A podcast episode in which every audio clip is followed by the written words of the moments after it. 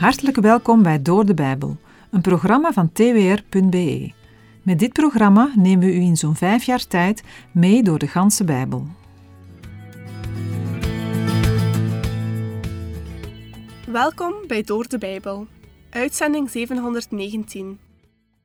Na een indrukwekkend gedeelte over de inzet van de Heere Jezus, over zijn lijden en over zijn verhoging, geeft Paulus aan dat het aan zijn volgelingen is om zich op hun beurt volledig in te zetten voor Hem. Hij gaf de hemelse heerlijkheid op om voor ons te sterven, en hij kreeg van God de Vader de hoogste plaats.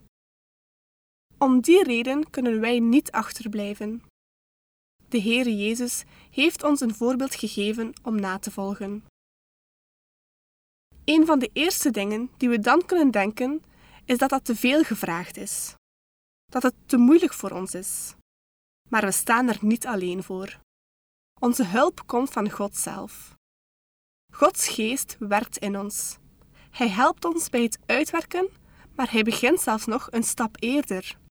Hij zorgt er ook voor dat we graag willen doen wat hij vraagt. Hij verandert zowel ons willen als ons werken.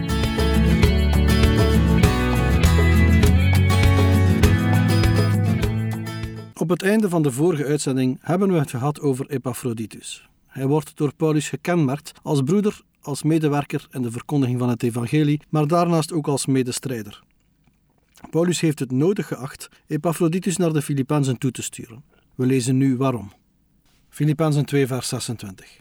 Omdat hij vurig naar u allen verlangde en in grote angst verkeerde, omdat u gehoord had dat hij ziek was.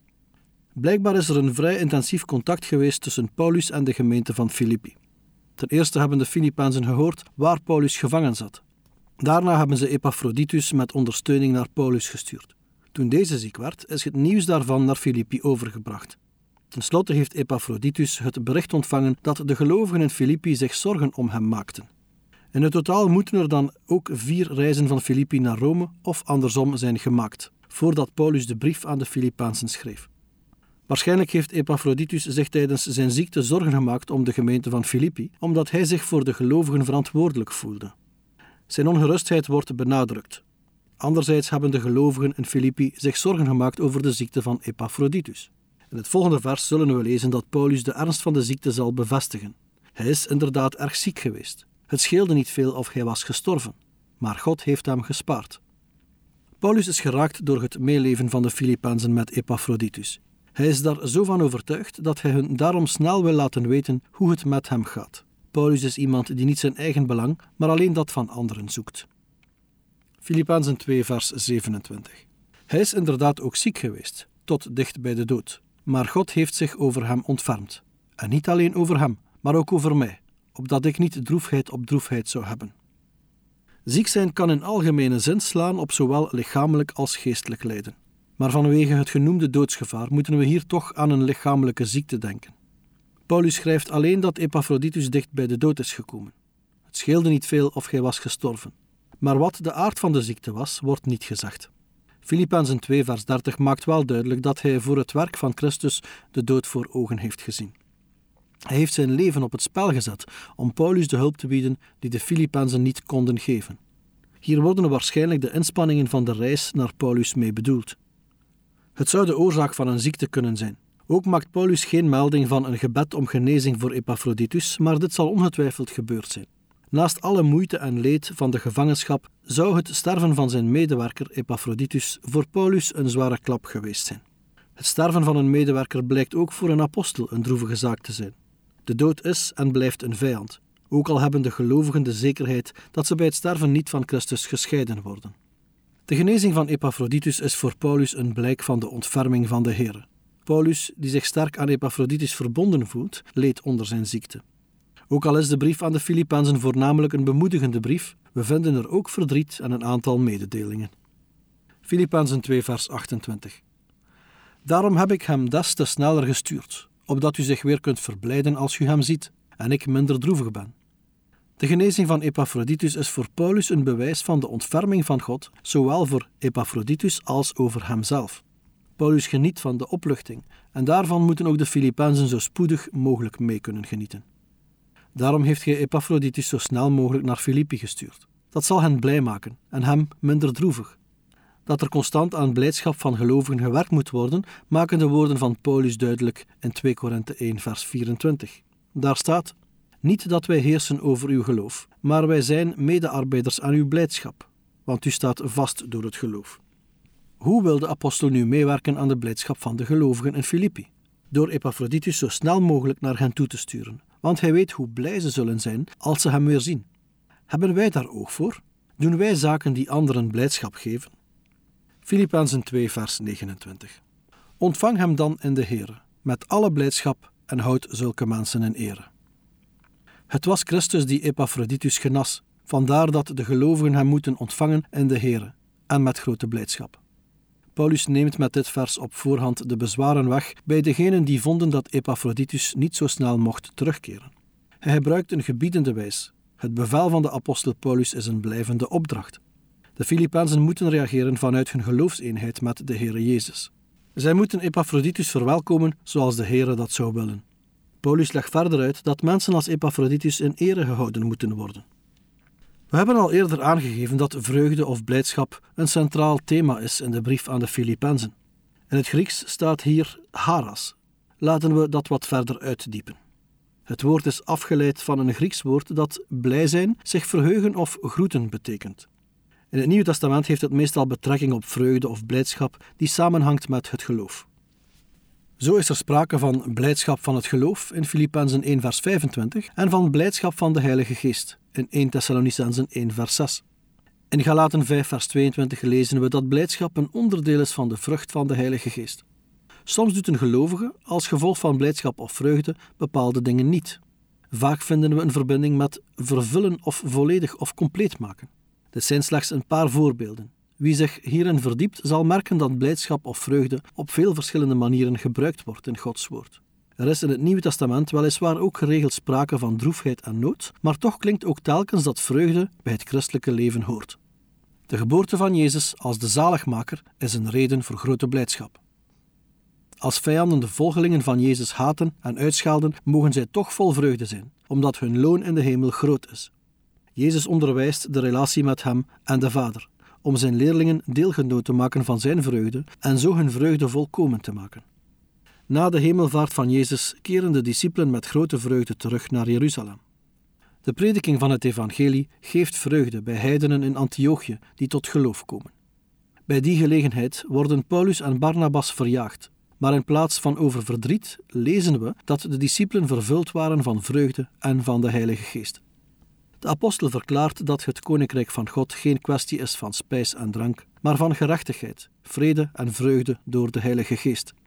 Hij verlangt ernaar dat de God van de hoop zijn lezers vervult met alle vreugde en vrede in het geloven. Paulus weet van allerlei omstandigheden en spreekt met een paradox over de christelijke houding als van treurenden die altijd verheugd zijn. De apostel Petrus schrijft dat zijn lezers Christus niet gezien hebben en zich toch in hem verheugen met een onuitsprekelijke en heerlijke vreugde. De vreugde is in het Nieuwe Testament ook meermalen op de toekomst gericht.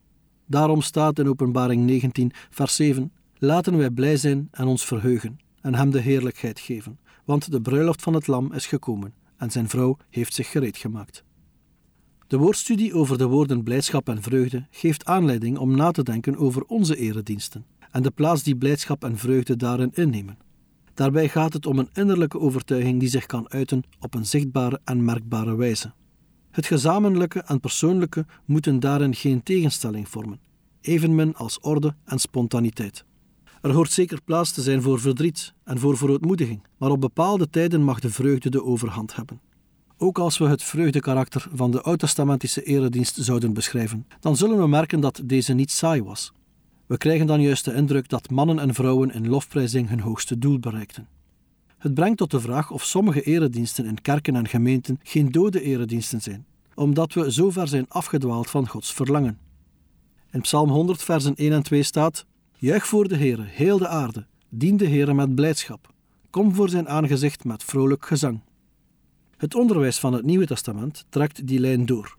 Het doel van het leven van de gelovigen is namelijk om God te prijzen als schepper en onderhouder van het leven, maar vooral ook om Hem te loven voor de verlossing door Jezus Christus.